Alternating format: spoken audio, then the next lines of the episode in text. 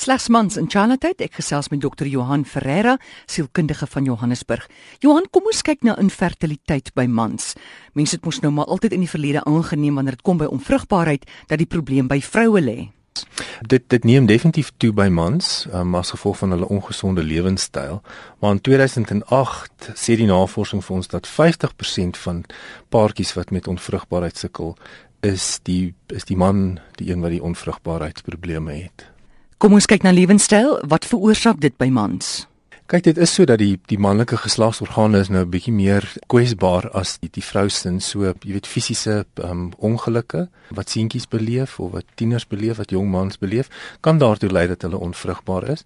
Maar dan natuurlik hoe jy leef, wat jy eet, het het 'n direkte effek. Ehm um, die gebruik van alkohol, oor die oorgebruik van alkohol, ehm um, die gebruik van dwelmmiddels, hoë cholesterol, al daai fisiologiese simptome maak dat die spermselle se kwaliteit dan nou verlaag en dat die kans op swangerskap dan nou meetbaar minder word.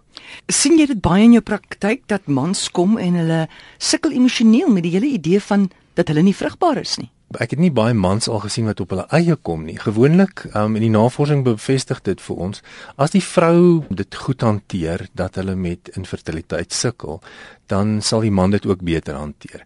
As die vrou meer daarmee sukkel, al is dit dan nou die man se fisiologiese probleem, dan sal hulle baie vir 'n terapeutiese proses kom. Dan identifiseer mens dat hy ook swaar kry, maar hy wil dit eintlik vir haar beter maak. Man se sielkundige probleme lê baie keer baie dieper en hulle voel dat hulle dit self moet hanteer dat hulle nie sommer jy weet uit hulle eie uit dit na die oppervlakte toe gaan bring nie veral as dit 'n verhoudingsprobleem is wat is die skakel daar tussen 'n verhoudingsprobleem en infertiliteit by 'n man. Dit skep by die man dikwels 'n gevoel van dat hy misluk het sy manlike identiteit word aangetast maar hy voel dat hy nie vir sy vrou kan voorsien dit wat sy nou nodig het om swanger te raak nie. Sy nalatenskap word aangetast. Skielik beleef hulle emosionele probleme hulle ontwikkel verdere seksuele probleme maar hulle dan nou op jou uiteinde jy weet voel dat hulle soveel angs beleef wanneer hulle moet sê ek sê om swanger te word dat dit so doelwit gedrewe word dat dit nou nie meer vir hulle lekker is nie Watter raad is daar vir mans? Kyk mens moet so ver as moontlik probeer om die verhouding te normaliseer, om die doelwit gedrewe gedrag nou weg te vat sonder om die om die doelwit te diskwalifiseer. So ons wil swanger raak, maar nie elke keer wat ons seksueel verkeer moet dit nou oor swangerskap gaan nie. Dis nou maar wat op die ou uiteinde die grootste spanning by mans en vrouens veroorsaak.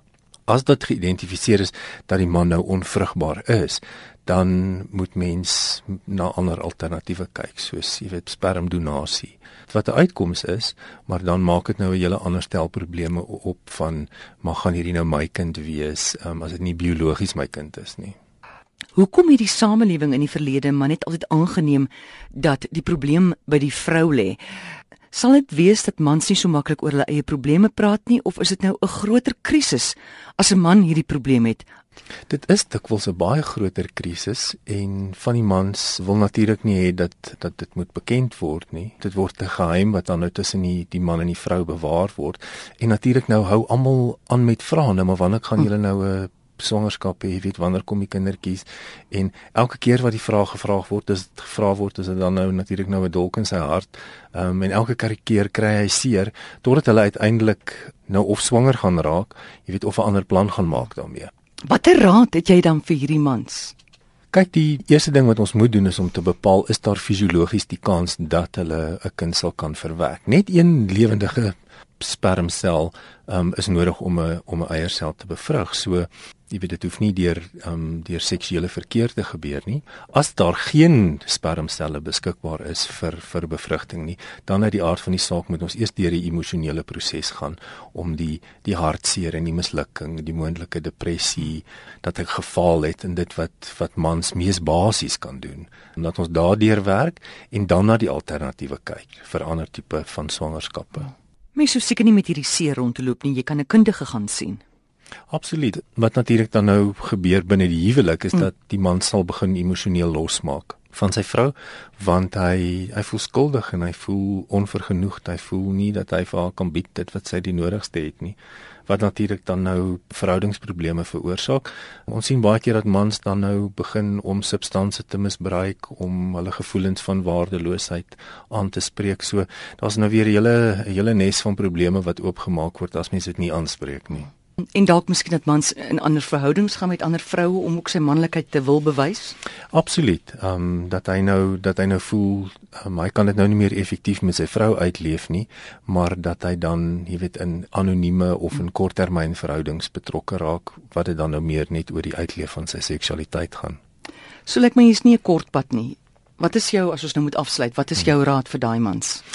Hulle moet eenvoudig die realiteit daarvan in die oë kyk. Hulle moet dit binne die verhouding aanspreek en die beste raad is is om by kundiges uit te kom. Sorteer die fisiologie eers uit en dan gaan kyk ons na die sielkundige impak. So gesels Dr. Johan Ferreira, sielkundige van Johannesburg.